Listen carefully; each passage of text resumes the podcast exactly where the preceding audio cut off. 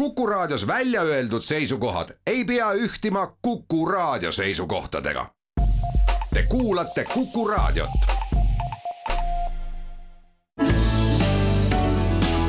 keskpäevatund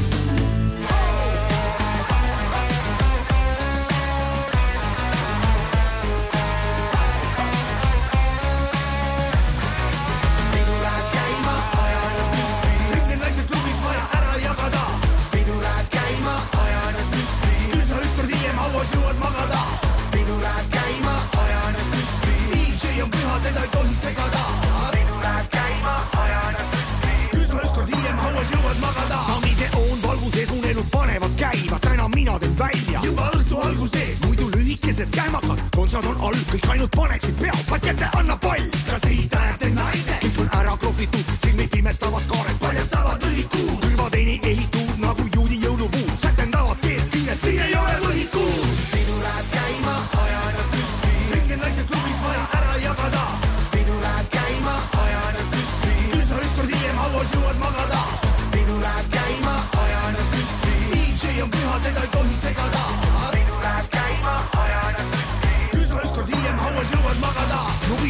on tuttav, nimed paneb kõik listi, jalad käivad all risti. balansi panevad testi, vanad tuttavad lõusad, kõigil läheb hästi, skeemitajad röögimaa.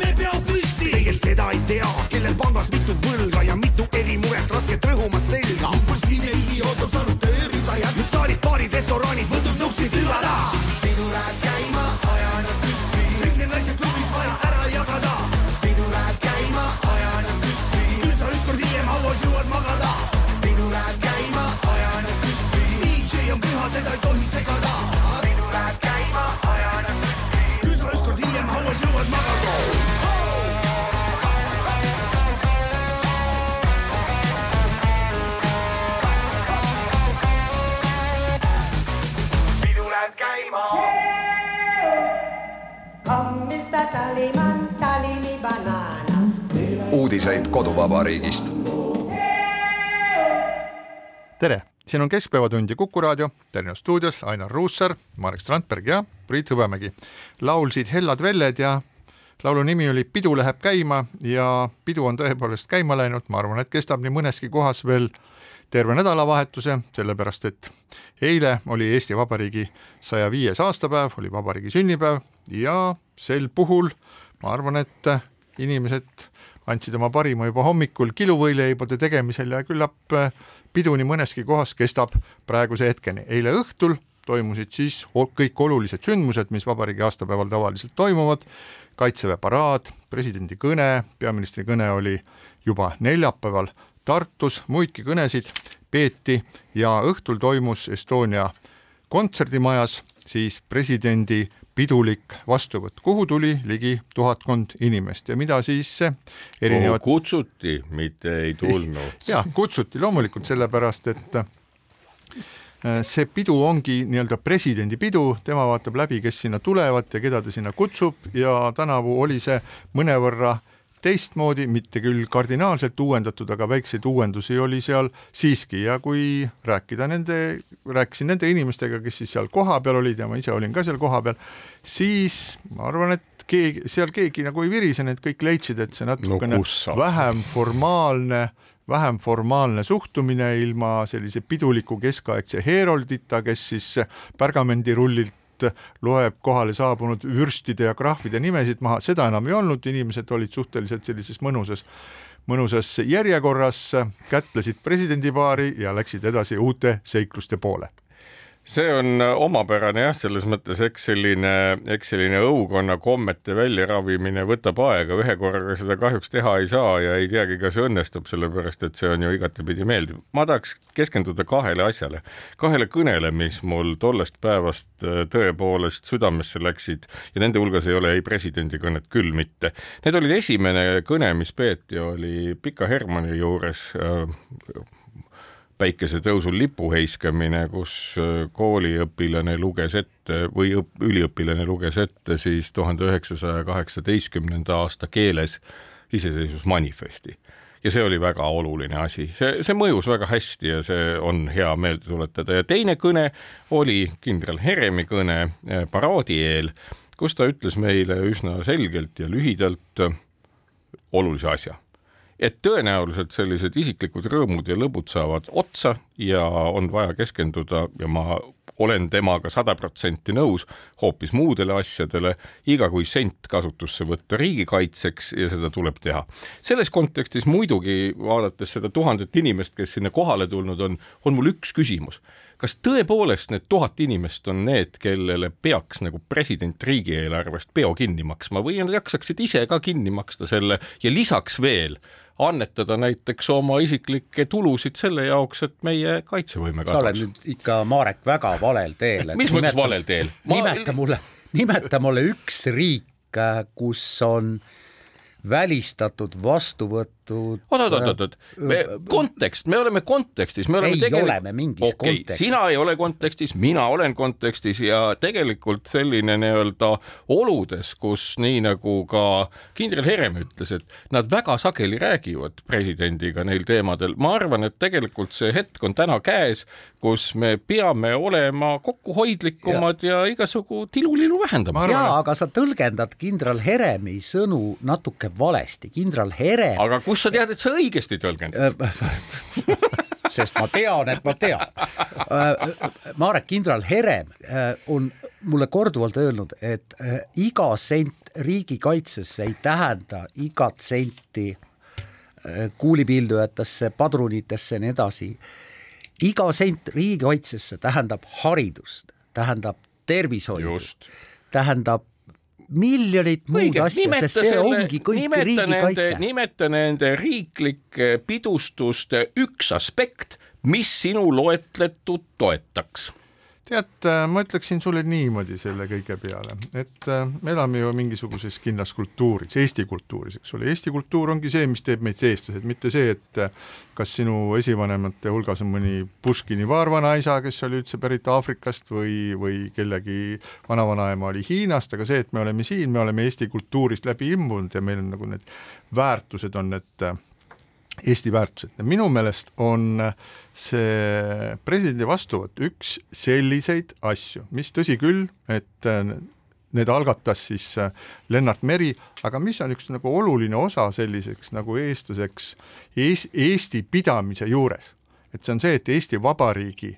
sünnipäev, tema aastapäev on tähtis päev, et seda tähistatakse kõige kõrgemal tasemel, et korraldatakse pidu, et seda korraldatakse mingisuguses teatud formaadis aasta-aastalt ja selle tegevuse käigus siis tänatakse neid inimesi, kes on äh, kodumaad palju aidanud, kes on teinud head, sinna hulka kuulub siis ka presidendi teenete märkide jagamine, kus, kusjuures siis jällegi ma nüüd äh, tõenäoliselt sa pärast ütled, kas inimesed võiksid äkki ise siis Roman Tavast järglastele oma teenete just, märkide ma, eest ma, maksta. Marek, teenete märkide pealt saab ka kokku. ma arvan, et sealt saaks ka midagi, ühesõnaga oot, oot, ma räägin, räägin lõpuni, et kas see on üks selline nagu riikluse kinnitamise vorme. Ja see on, see on mingi taoline asi, mida me peame iseendale nagu pidevalt kordama kultuur ongi midagi taolist, mida pidevalt korratakse, et see ei lähe meelest ära, kui sa neid asju ei tee, kui sa ei hoia au sees, kui sa ei loe Eesti kirjandust, kui sa ei räägi eesti keelt, kui sa ei pühitse Eesti Vabariigi aastapäeva,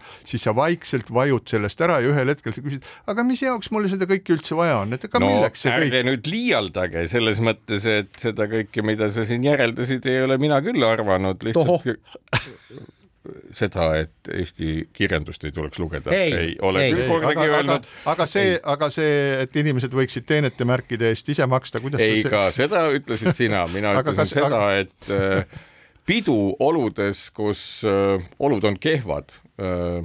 kaks aastat jäi pidu ära. noh no, ja nüüd kolmandal kas Eesti aast... riik läks paremaks? loomulikult läks inimesed äh, inimesed ju, ega te ju ära ka ei kadunud, et noh, selles mõttes te nagu kõikvõimalikku elitistlikku sellist tilulilu tähtsustate üle, ma arvan, ja ma arvan, et väga paljude inimeste jaoks on see nii, et nad näevad, et see elitism, mis on ju õukonna talituste härra Strandberg, nimetage üks äh, Euroopa riik, kus ei ole elitismi.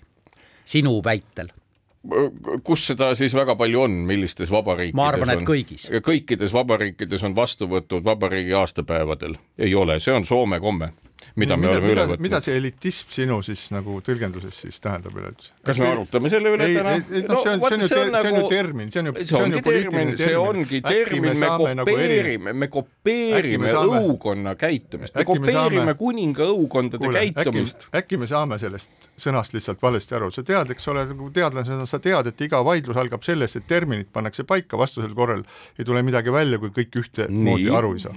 Elitism tähendab uskumist, et riiki või ühiskonda juh-, peab juhtima selle eliit. siis Eesti Vabariik on demokraatlik vabariik, mida, mille seadusi annab Riigikogu nii, kus ja seda uskumust meil ei valitsus- ole, mida sa mainid või? see uskumus ju on olemas. kuida-, kus kohas, kus kohas on see uskumus? Kus kohas on sõber, kus kohas on see uskumus, kui meil on demokraatlik vabariik, kas meil, kas meil on siis vali-, kas meil on valitsev klass, kes valitseb lihtsalt selle tõttu, et nad on sündinud teatud perekondadesse, kas meil on demokraatlik vabariik või ei ole? no aga arutame seda mingil muul ajal, selles mõttes, et me ei taha ju saadet täita ainult sellega. kindlasti, Priit. kindlasti mitte. me surusime Mareku oo, te Jaa, surusite jaa, mu nurka, ei surunud, ma olen Ma jätkuvalt jaa, veendunud, et just. elitismi aspekt meie nii-öelda võimus ja, ja on tulnud meile nii- Soomest. On kahjuks tulnud meile Soomest, me kopeerime sedasama asja, mis on teinud soomlased, aga see selleks, see on minu arvamus ja ma jään selle oota, juurde. mul li- lihtsalt on üks küsimus veel, et noh, et kui me vaatame nagu seda siis Vabariigi Presidendi aastapäeva, et millest Vabariigi aasta- presidendi või vabariigi aastapäeva, vabariigi kumba aasta- siis? vabandust, vabariigi aastapäeva, mida korraldab siis Vabariigi President, et ähm, ja mis on siis, nagu ma aru sain, et siis nagu selline elitismi äh, nagu võrdkuju sinu jaoks, siis äh, kus üks on aspektidest. No ja üks, okei okay,, üks aspektidest, seal on siis äh, peamiselt on seal, seal on kõik valitsuse liikmed kutsutud, sinna on kutsutud siis äh, äh, välis äh,, välisriikide saadikud, sinna on kutsutud äh, kultuuritegelasi. küsime teistmoodi ma tean, sa loetad pikalt, küsime teistmoodi, mis juhtuks, ma kui ei ole me seda lõpetanud. niimoodi ei, ei ei tähistaks? mind huvitab hoopis teine küsimus. majandustegelasi, ühiskonnategelasi, õpetajaid, autasu saanuid, sada üks Riigikogu liiget ja nii edasi ja nii edasi, ühesõnaga jah. et need inimesed, need äh, ka institutsioonid nagu Riigikogu, valitsus, ametkonnad, et see on ju üks Eesti Vabariigi pidamise just, vahendeid, nii. De facto ilma ühegi aga kus peota. kohas see elitism siis on, see on ju, see on ju need inimesed, keda on valitud või kes omakorda on valinud siis teisi inimesi selleks, et nad Eesti Vabariigi pidamisega hakkama Nii. saaksid, et kes seda siis see, ongi nende töö. just nimelt jah, aga kus see Aga- elitism siis on? kus see elitism on, kui see on nende töö ja nad on sinna kokku kutsutud? Nad on sinna kokku kutsutud mille tõttu? sellepärast, et vabariigil on aastapäev, palun väga. okei okay., no siis jääme selle juurde no,. selles mina... osas oleme me täiesti erineval arvamusel, ma arvan, et nii-öelda sellise pidutsemise tähendus vabariigi riikluse säilitamisel on täiesti teisejärguline ja ma arvan, et me näeme selle, selle kadumist paljudel põhjustel. okei okay,, ja minu, Marek minu meelest on see tegelikult- kultuuriline järjepidevus on selle puhul oluline, see aitab meil tunnetada seda, et me oskame tööd teha, et me oskame ennast kaitsta loodetavasti oskame kaitsta mm. ja oskame ka üheskoos pidutseda. mul on tõesti kahju, kui inimesed ilma sellise peota nendest asjadest aru ei saa. Marek keeras nüüd kaherealiselt maanteelt küll äh, kruusatee peale. ei, väga meeldiv kruusatee okay, aga Marek lähe, läheme edasi, läheme näiteks nende kõnede juurde, mida ma ütleks ühe asja veel vahele okay., et äh, presidendi vastuvõtt äh, presidendi vastuvõtuks, aga ka Päästeamet korraldab, ka politsei korraldab, ka Kaitsevägi korraldab äh, Eesti sünnipäeval vastuvõtte oma parimatele. mis selles halba on? ma, jah, tõepoolest sa võid arvutada, et kaheksakümmend senti on üks väike tikuvõileib seal ja neid tikuvõileibu võib-olla on kaheksasada, aga see ei muuda midagi halvemaks. okei okay,, kui teile tundub, ma ei hakka vaidlema. Ma arvan, et see on Eesti ma ei hakka ütlema teile, et te olete sünnipäeva täiesti valesti millestki aru saanud. Eesti sünnipäeva tunnustamisel erakordselt vajalik, nii nagu on ka koolides aktused selle Just, asja puhul. aga lähe, läheme nagu Jääme sinnapaika. Läheme sõnavõttude juurde, et siis äh, see päev oli ka selline, et peale selle pidustuse, mis äh, ma, mis Marekit magada ei lase, ei, ma vastupidi, ma magasin väga hästi, ma magasin väga hästi, ma magasin ja aga hästi. räägime siis, et äh, see on ka selline aeg, kui tehakse palju programmilisi sõnavõtte, kus äh, räägib siis kaitseväe juhataja, kus peab kõne peaminister, kus äh, presidendil on isegi mitu kõnet ja nii edasi ja nii edasi, nii et arutame, et mis siis nendes ja seal üritatakse siis nii, nii kokku võtta seda, mis on olnud, heita pilk tulevasse, kui niimoodi poolpidulikult väljendada, aga mis me sealt siis nagu saime nendest kõnedest? no nagu ma ütlesin, esimene kõne, mis mind tõepoolest otsesõnu kõnetas ja puudutas, oli sellesama manifesti ettelugemine. see on, see on saja aasta tagune, saja viie aasta tagune, eks ole, tekst ehm, ja selle nagu mõttesügavus on väga-väga suur, ehk et see on nüüd see koht, kus me tõepoolest peame ütlema, et tolleks hetkeks välja kujunenud eestikeelne haridus ja arusaam maailmast olid ülitäpsed. ehk et kuulake, lugege seda veel kord ja te saate aru, kui ettenägelikud, kui kui targad olid need inimesed, kes kirjutasid kokku sinna tegelikult kogu tolleks hetkeks maailmas tekkinud demokraatlike süsteemide arusaama ülimalt detailselt. ja seda teksti ei loete, ei loetud ette Tallinnas ja seda teksti ei loetud ette Tallinnas, vaid nii-öelda Pärnus, nagu me teame, päev varem, aga see tekst on väga-väga hea, et kui me räägime headest tekstidest, siis on üks alustekst, põhiseadus sellele järgnevalt, aga see deklaratsioon on väga hea tekst. ja teine kõne, nagu ma ütlesin, mis mind kõnetas ja mis oli väga oluline, oli kindral Heremi äh, rahulikult peetud, äh, rahulikult peetud selline tulevikku üsna selgelt kaardistav, kaardistav kõne, mille detaile maksab üle kuulata ja ma arvan, et selle nii-öelda taust ja see nagu, nagu läbitunnetamine oli väga-väga hea. mina ausalt öeldes äh, lugesin ka kõiki neid kõnesid, Heremi kõne oli väga hea, aga mulle meeldis ka peaminister Kaja Kallase kõne, mille ta pidas Tartus kahekümne kolmandal äh, veebruaril. Äh, seal oli paar väga jõulist, väga jõulist sõnumit, näiteks tsiteerin, see on vene rahva sõda ja vene rahva ühine kuritegu hästi jõuline, ma ei oleks kujutanud ette et.... just, ma ootasin tegelikult, et ka president puudutab midagi samasugust, aga ei midagi, täiesti null, täiesti null. veel, peaminister Kaja Kallas.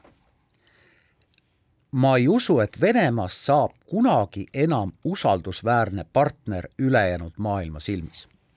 väga jõuline sõnum ja selliseid jõulisi sõnumeid äh, ajal, mil on käimas sõja kolmesaja kuuekümne kuues päev Ukrainas ja Venemaa ei kavatsegi kuhugi taganeda, on, on minu meelest väga hea.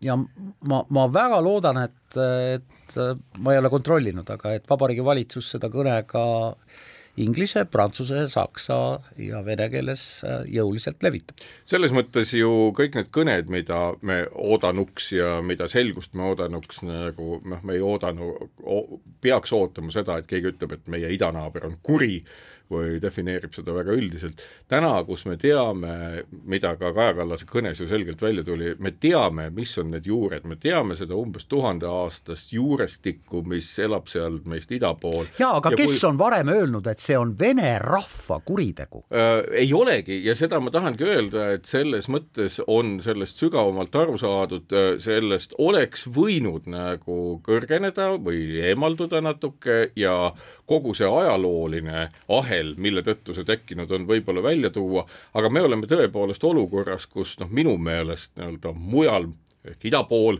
eh, sellises muinasjutumaailmas elavate inimestega no, ongi ülimalt raske midagi peale hakata, nende ju lood, mida nad usuvad, on täiesti uskumatud meie mõttes ja küsimus meie jaoks, nagu kogu ülejäänud maailma jaoks on, kuidas toime tulla ühiskondadega, milles süviti usutakse mingeid muinasjutte. no see ei ole ainult mitte Venemaa, täna on lisandunud sellele ka Hiina, mis ju baseerub täpselt samamoodi iidsetel muinasjuttudel. noh, Aafrikas on ka neid riike. ja aga nendel ja ei ole, nendel ei ole õnneks midagi muud kasutada kui Kalašnikovi automaat kõnealused. Kaks riiki kasutavad kõikvõimalikku info- ja tuumatehnoloogiat, mis on tõepoolest ülejäänutele ohtlikud, ehk asjaolu, et muinasjutumaailmas elavad inimesed suudavad moodsa tehnoloogiaga tegelikult valmis ehitada need asjad, mida me oleme arvanud siiski varem olemasolevat vaid muinasjuttudes, nagu näiteks Lohe Gorõnitši et see on saanud reaalsuseks, nad ehitavadki lohesid, mis on ülejäänutele kahjulikud. Marek äh,, sina oled teadlane ja kui mina koolis käisin, siis äh, mulle jäi koolist meelde, et suured loomad söövad väikseid. Aga nii- väiksed söövad ka suuri, aga nii kui parasiitidest aga nii vist ei ole, et, et äh, pigem kiired söövad aeglaselt.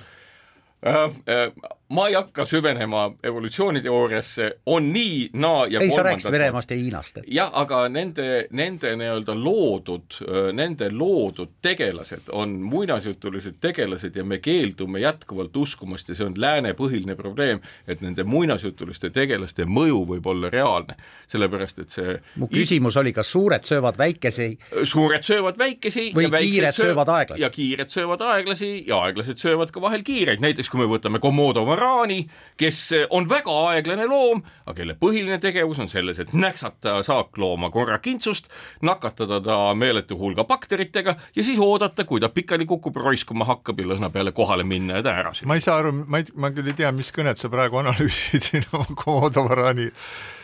ei, ma analüüsisin seda, mida oleks tulnud Kaja Kallase kõnest lähtuvalt veel tugevamalt võimendada, see on pidamata kõne, see on pidamata kõne sellest, kellega me koos elame. ja no ma paar sõna ütleks presidendi kõne kohta, ma pean ütlema, et presidendi kõne sulle kindlasti, Marek, ei tule see üllatusena, et presidendi kõne mulle meeldis, ta puudutas palju teemasid, võttis läbi seal näiteks infrastruktuuri, NATO, kaitse, Ukraina, vaimse tervise, energeetika, rohelise andmeräga, turuolukorra, kust võtta raha, hariduse ja Riigikogu valimised, mis olid kõik väga olulised kas me asjad. seda ei teadnud varem? mida, kas No, kas Kaja Kallas problem-, kas Kaja Kallas ütles midagi sellist, mida ta me varem ei teadnud? midagi, mida ei ole varem poliitiliselt juletud välja See öelda. on- see ei ole- see ei ole nüüd küll ma tahan, õige. ma tahan siia vahele öelda ühe asja. ma mõne päeva eest jälgisin ühte debatti, kus olid esindatud kaheksa parlamenti kandideeriva erakonna juhtpoliitikud ja sealt käis läbi küsimus, et kust te ikkagi raha võtate, kust te raha võtate? ja teate, kaheksast kuus ütlesid vastuseks mida? küll me raha leiame. ja siis mulle meenus, kuidas ma kolmandas klassis ilmselt leidsin oma kõige suurema rahasumma. kolme rublase oli keegi ära kaotanud. et kust küll me raha leiame? nojah, aga ma sekkusin vahele. jaa, et äh, kõnest. kõne võttis kokku väga palju asju, kusjuures need äh, kõik need noh, no struktureeritult, kõik need osad sisaldasid ka mingisugust kriitikat, mis oleks nagu äh, mitte nagu selline tavaline pidupäevakõne, aga puudutades infrastruktuuri, rääkis ta seal neljarealistest teedest ja Rail Balticust ja puudutades äh, rohepööret, rääkis siis sellest järjekordsest äh, andmerägast, mida siis tuleb ettevõtjatel hakata esitama selleks, et näidata, et kui hästi või halvasti nad siis äh, rohepöördeks on valmistunud.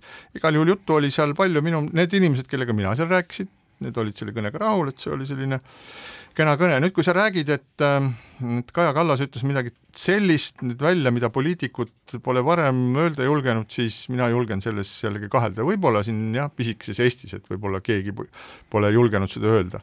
kui äh, äh, Mihhail Lotman ei ole poliitik, mida ta kahtlemata on, siis tema on seda korranud pidevalt.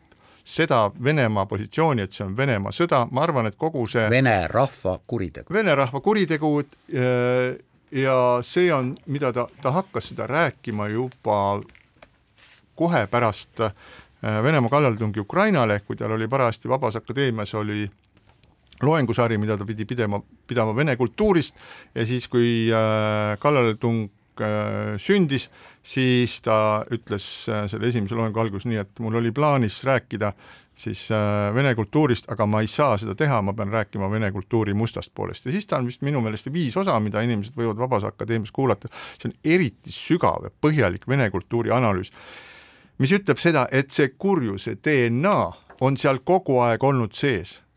et ka Puškin Jah. on, et ka Pu- Puškin, et ka. Dostojevski, Dostojevski, et ka Bulgakov ja väga paljud sellised autorid, keda, keda siin äh, noh, võib va vaadata niimoodi jumaldades vaadata, et nad on kandnud endas seda mingisugust pisikest sellist nagu imperialistlikku, šovinistlikku suurvene geeni Just. mingisugusel, mingisugusel hulgal ja see, et äh, Mm, ja, ja minu meelest tema on seda, kuidas seda öelda, et seda kõneviisi või seda ideed levitanud väga palju, aga Eestis küll ja maailmas Jaa. laiemalt Just. üks autoritest, Orlando Figes on kirjutanud sellest aastaid, ehk et meil ei ole ju tegelikult probleemi sellest, et akadeemilises teadmises on see asi olemas ja nüüd vaadake, kui vähe on poliitikuid, kes on võtnud selle tõeks ja seda defineerib. aga sellest me räägime kohe edasi, siinkohal väike paus. keskpäevatund.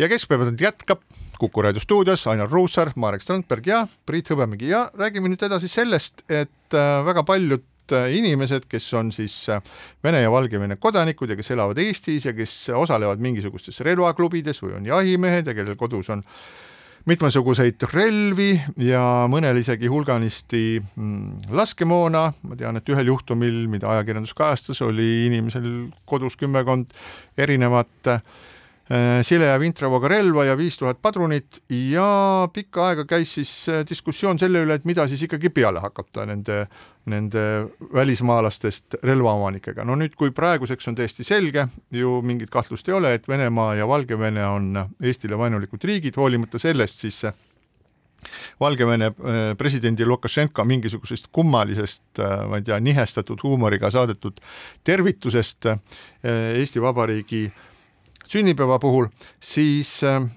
siseministeeriumi äh, plaanide kohaselt peaksid Vene ja Valgevene kodanikud oma relvad loovutama hiljemalt järgmise aasta lõpuks. Ja kodakondsuseta Eesti elanike relvalubasid enam ei pikendata, need keht-, kaotaksid oma kehtivuse mõne aja jooksul, nii et äh, põhimõtteliselt on selli-, selline otsus on tehtud ja Vene ja Valgevene relvaomanikud peavad oma relvad teatud aja jooksul loovutama, neile on aetud, antud siis mingisugune aeg, kus nad peavad need relvad maha müüma, üle andma ja rohkem nad relvaluba enam ei saa ja me saame näha, mis siis sellele järgneb.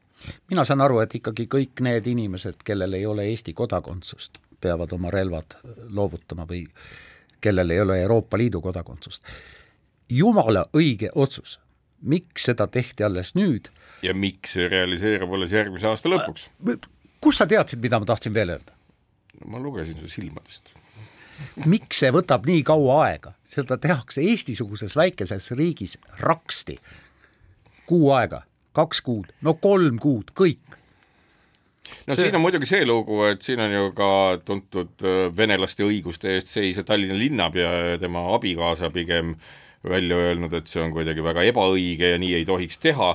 Ehk et ilmselt on siin hoopis mingisugused muud sellised poliitilised või kommunikatsioonilised allhoovused, mille tulemusena keegi arvab, et see võib olla äkki niisugune ärritav ja probleeme tekitav, aga julgeoleku mõttes noh, kui me kujutame ette, et kolm tuhat inimest, kellel igalühel tõenäoliselt on mingisugune kümmekond tukki, mõned nendest ilmselt äh, nende oskuste juures ka üksiklaskudest automaatvalanguid tegema ehitatavad, siis ega see väga head julgeolekut ei tähenda, sellepärast et ega siis üks inimene kümne relvaga, vaid et ta ju jagab seda kellelegi edasi, ehk et see potentsiaal, et meil võib olla kümneid tuhandeid selliseid nii-öelda varjatud partisane, äh, vabadusvõitlejaid. meil võib olla kardina taga Wagner. Ja meil võib olla kardina taga Wagner, ehk et see on tegelikult äh, üsna, üsna selline äh, selline ärevaks tegev asjaolu, loodetavalt äh, ollakse sellest teadlikud ja ilmselt nagu toimitakse kiiremini kui lubatud. No ma arvan, et teadlikult ollakse igal pool, et oleks ju täiesti kummaline uskuda seda, et, et Venemaa ei ole tegelenud selle küsimusega, et kui neil on äh, Eesti Vabariigis mingisugune seltskond, seltskond äh, tuhandeid inimesi, kellel on relvi kodus, et siis ei oleks mingisugust plaani või, või äh, sellist äh, mõtet, et kuidas neid kõiki saaks vaja, Venemaale vajalikul hetkel, hetkel ära kasutada, nii et see on iseenesest on väga hea, hea algatus, mis näitab seda, kui me jõuame no lihtsalt vaadates tagasi sellele meie saate esimesele osale, et, et me jõuame, oleme jõudmas vähehaaval sinna, kus äh, Eesti Vabariik ametlikul tasandil on aktsepteerinud selle, et võib tekkida ka nii-öelda kineetiline või füüsiline konflikt Venemaaga. et sellised sammud nagu see nende relvade ähm, ärakorjamine, siis teine asi, teine seadus, mille siis lahkuv Riigikogu vastu võttis, oli siis äh, sõja, sõja tingimustes kohtupidamise äh, mm, lihtsustamine, ehk noh, ütleme teiste sõnadega see, et kui meil on mingisugune väga keeruline olukord ja siis leitakse inimesed, keda tuleks siis, kellelt tuleks ära võtta vabadus või mille sanktsioneerida, et siis nad hakkavad minema oma kõige kallimate advokaatidega läbi kolme kohtuastme ja jõuavad välja Riigikoguni ja sinna kulub viis aastat ja ja tohutu hulk ressurssi on sellega seotud, aga et sellist jama ei oleks Eesti Vabariigil oleks võimalus ennast siis nagu kiiresti ja efektiivselt kehtestada, et siis selleks on siis muudetud ka muudetud ka seadust, mis lubab siis äh, sõja ja konflikti tingimustes kiiremini ja tõhusamalt õigust mõista. kohanimeseadus, eestikeelne haridus. ja kohanime ja kohanimeseadus, mis on samuti väga-väga oluline, mis tähendab seda, et äh, nüüd on viidud siis äh, kuna no ma saan aru, et see nagu tõukub peamiselt siis sellest Narva olukorrast. Narva ja Tartu. Narva, no, no, no ma usun, et Tartus nagu väga suurt probleemi ei ole tänavanimede muutmisega. no et, kaks tänavanime muudeti siiski ära, sellepärast et ilma riigi, riigi sekkumiseta. ilma riigi, jah, jah, jah, aga siis äh, Narvas see kuidagi ei õnnestu, kuigi ja, ja ka tankis saadi jagu alles siis, kui valitsus sinna sekkus, aga need kaks nime, mis siis nagu jäeti nii-öelda lohutuseks ähm, narvalastele ise lahendada, et need mingid punamõrtsukate nimedega tänavad ära muuta, siis tänase päevani mitte tuhkagi pole toimunud seal ja on täiesti arusaadav, et sellises ähm, konfiguratsioonis, nagu meie riik praegu omandab, et äh, sellised tühiasjades suure tüli tekkimise võimalused, need püütakse eos ära hoida ja siis äh, on tehtud ka äh, vastav äh, vastav korraldus selleks, et Priit, ma pean parandama sind, Narvas on kahel tänaval vahetatud ära tänavasildid. ühe tänava nimi on nüüd Soldina ja teine on Kivilinna muidugi üks asi, mis sellise nii-öelda omavalitsuselt riigi kätte teemade võtmisega kaasas käib, on väike oht ka, et ega me ju ei oska ennustada, milline on siis järgmine, järgmise äh, riigihaldusministri, kelle kätte nüüd Riigikogu otsusega kõikide nende tänavate ümbernimetamine on antud nimi. ja kui poliitiliselt on asi halb, siis võib välja kujuneda olukord, kus äh, ta nimetab need tagasi või mis iganes, ehk et et alati sellise nii-öelda näiliselt universaalse lahendamise, lahendusega käib kaasas ka teatud risk, ehk et, äh, ehk et kui, kui seal on mõni teine nimi, mitte Riina Solman või mingi muu nimi, siis me võime näha seal veel igasugu üllatusi ja loomulikult, nagu Priit ütles, et kui antakse võimalus õiguslikult midagi teha, siis loomulikult need, kelle jaoks Eesti riik on ikkagi selline eh, kiusu eh, sihtmärk, eh, seda ka tegema hakkavad. Siit-sealt on juba läbi jooksnud selline sõna, mida on kasutatud Venemaa osas, arvestades seda, et et tööstust pööratakse Venemaal nii-öelda militaar, militaareesmärkidele, et tsiviiltööstus tegutseb siis äh, Äh, sõja, sõjalistel eesmärkidel laskemoona ja relvastuse tootmisel, et äh, ma ei tea, võib-olla kolmandik või kui palju riigieelarvest läheb juba siis äh, relvatööstuse peale, et seal on, on hakatud Venemaa kohta kasutama juba sõna, taas seda sõna sõjakommunism.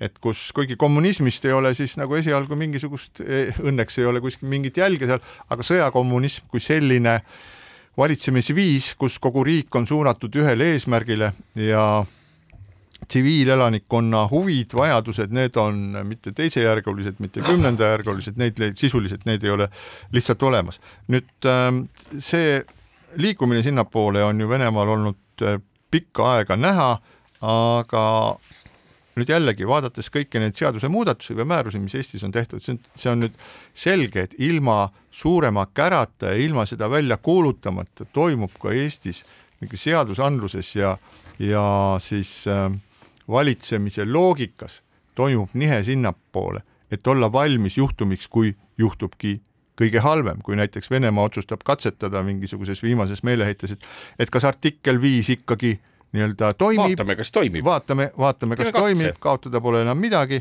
ja selleks peab riik olema valmis. minu meelest need muudatused, ma ise arvan, et neid muudatusi on tegelikult rohkem või plaanis on rohkem ja võib-olla me nendest veel ei tea, aga see, mis praeguseks toimub ja mida siis lahkuv Riigikogu nüüd on vastu võtnud, et see näitab, et see suund on tegelikult olemas, et sellised samasuunalised äh, seaduste muudatused ei tule lihtsalt, nad ei kuku taevast et äh, siin peab olema selline koordinatsioon taga. No sellel malelaual, kus me ka nii-öelda nii mängime kui oleme vigurid, samal ajal on ju muutused toimunud veel selle nädala jooksul, noh õigemini muutused on olnud pikemaajalised, aga neljapäevased ja reedesed uudised viitavad selle peale, et ka Hiina lisaks sellele, et on teinud väga salakavala rahuplaani plakkumise, eks ole, Ukrainale ja Venemaale, on rööbiti jõust, jõuliselt alustanud ka ikkagi ja jätkab äh, kõikvõimaliku tehnoloogilise abi ja ka sõjaliselt kasutatava tehnoloogilise abi andmist Venemaale, ehk et see pilt muutub järjest ja järjest keerulisemaks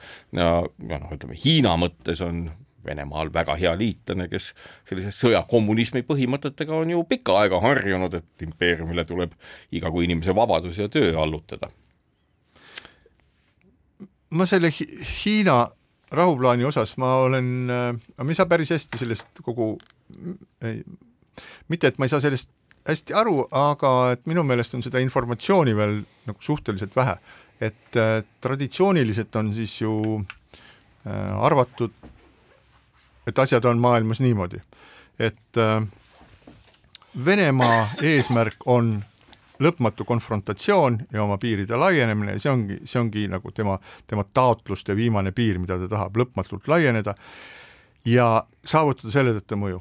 ja Hiina eesmärk on ennast kasvatada maja, majanduslikult kõige suuremaks jõuks, ehk et äh, majandussuhted nii Euroopa Liidu kui Ameerika Ühendriikidega on Hiinale äärmiselt vajalikud, sellepärast et kui nende suhetega mida, midagi peaks juhtuma, siis loomulikult sellest kannatavad nii Euroopa Liit, kannatavad ka Ameerika Ühendriigid, aga kõige rohkem kannatab Hiina, kellel on vaja oma majanduslikku võimsust kogu aeg pidevalt üleval hoida, sellepärast et kui tal ei ole neid tohutu kahte maailma kõige suuremat turgu, kuhu müüa ja Venemaa on pisikene turg, et Venemaal ei ole siin mingisugust tähtsust. küll aga on seal toorainet ei, ja küll aga on ja, Hiina ja, tulnud välja pakkumisega, et võtke kasutusse meie valuuta. ei, see ja, ja see on üks, see on üks kindel asi, aga, aga laiemas ja pikemas plaanis soov on Hiinal vaja edukaks tegutsemiseks pidevat kaubavahetust ja kaht, kahte kõige suuremat turgu ja kui need turud peaksid miskipärast ära kukkuma või Hiinat peaksid tabama sellised suure, suuremahulised sanktsioonid, siis läheb Hiina majandus läheb tõeliselt nagu väga keerulisse olukorda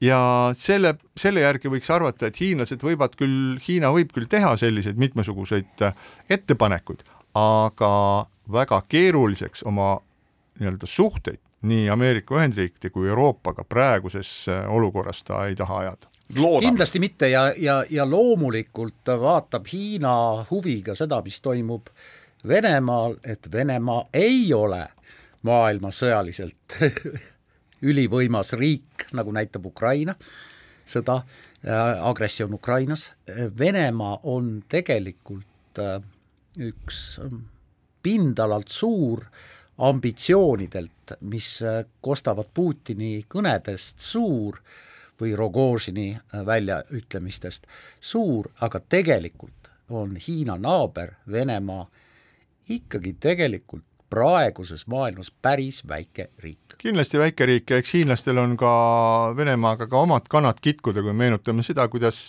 siis, mis oli kolmkümmend kaheksa või kolmkümmend üheksa, kui kui äh, Venemaa vallutas siis selle Sise-Mongoolia seitsekümmend üheksa oli neil konflikt. ja, või, ja Välis-Hiina, kus oli ligi üks miljon äh, ruutkilomeetrit. Ja neid konflikte on olnud äh, kahtlemata ka hiljem ja lõppkokkuvõttes äh, noh, ütleme, et ega siin mingit sõjalist jõudu vaja ei olegi, kui me vaatame, et terves Siberis, mis on siis Hiina kõrval, on praegusel hetkel ärge nüüd imestage, seal on ainult seitse miljonit inimest elab, ehk see on sisuliselt tühi maa ja ega seal pole muud kui labidad kätte ja lihtsalt üle piiri minna, aga siinkohal väike paus keskpäevatund. ja Keskpäevatund jätkab, Ainar Ruussaar, Marek Strandberg ja Priit Hõbemägi. Ehm, pidime hakkama rääkima veel metsaraiude, metsaraie mahtude vähendamist, aga enne seda ma tahaksin, tahaksin rääkida natukene ühest raamatust, mis on tõesti värske, mis äsja ilmus, see on küll paraku veel ainult inglise keeles, ilmus kahekümne esimesel, esimesel veebruaril, selle mm, autor on kummalise nimega see on ilmselt mingisugune iiri, šoti või mingi kõmri nimi, Kiir äh, Giles, Giles, Keir Giles kirjutatakse see nimi ja raamat, see, see autori nime ja see raamatu pealkiri on Venemaa sõda kõikide vastu ehk siis inglise keeles Russia's War Against Everybody. ja meil on siin ilmunud mitmesuguseid põnevaid äh, raamatuid siis äh, Venemaast ja väga häid ülevaateid, alates siis Orlando Figesist, kes seda vaatab juba üheksateistkümnendast sajandist äh, alates või Mihhail Lotmani loengutest või siis Peter Konradi Kes kaotas Venemaa, mis on äh, eesti keeles ilmunud või siis äh, äh, Catherine Belfordi Putini inimesed või siis äh, Owen Matthewsi äsja ilmunud äh, raamat Venemaast inglisekeelse pealkirjaga Õuerich, eestikeelne pealkiri ei tule meelde, aga ja ma olen neid kõiki huviga lugenud. Ja kõigi puhul on mul jäänud nagu selline, selline väike tunne, et aga mi, jah, peaaegu, see kõik on peaaegu tõsi, aga midagi on natukene puudu. Ja nüüd, kui ma hakkasin seda, seda Kir Gilesi raamatut lugema Venemaa sõda kõikide vastu, siis ma sain aru, et see ongi see raamat, mis võtab nüüd kõik kokku, ma loodan, et see tõlgitakse võimalikult kiiresti ka eesti keelde, tänapäeval tehakse seda noh, lihtsalt küll loetud, loetud kuude jooksul. Ja selle raamatu eripära, see autor on siis äh, endine äh, Briti ajakirjanik, kes äh, pikka aasta, pikki aastaid töötas mm, Venemaal, aga tegelikult noh, tõen-, mitte tegelikult, aga tõenäoliselt oli ta siis Briti luuraja ja see tema raamat, kui keegi, kui kedagi huvitab see, et täielik äh, selline lahang Vene mõtteviisi ja poliitika täielik äh, nii-öelda laotamine siis äh, nii-öelda klaasplaadile, et seda mikroskoobi alla panna, võib-olla tänapäevase nimega nii-öelda Vene süsteemi lahti häkkimine, miks see on selline, siis see raamat on selles mõttes täiesti nagu uskumatult hea, kuidas ta räägib, millised on äh, Venemaa eesmärgid, Venemaa eesmärgid on tekitada kõikjal maailmas pingeid ja lõhesid, ükskõik millistes riikides, see on, see on eesmärk kasutada oma sõjas kõikide vastu absoluutselt kõiki relvi, eriti neid, mida siis vastaspool ei äh,, mitte sõjaolukorras ei kasuta, olla sõjas kõikide vastu, ükskõik kelle vastu, sellepärast et see teenib tema kaugemat eesmärki.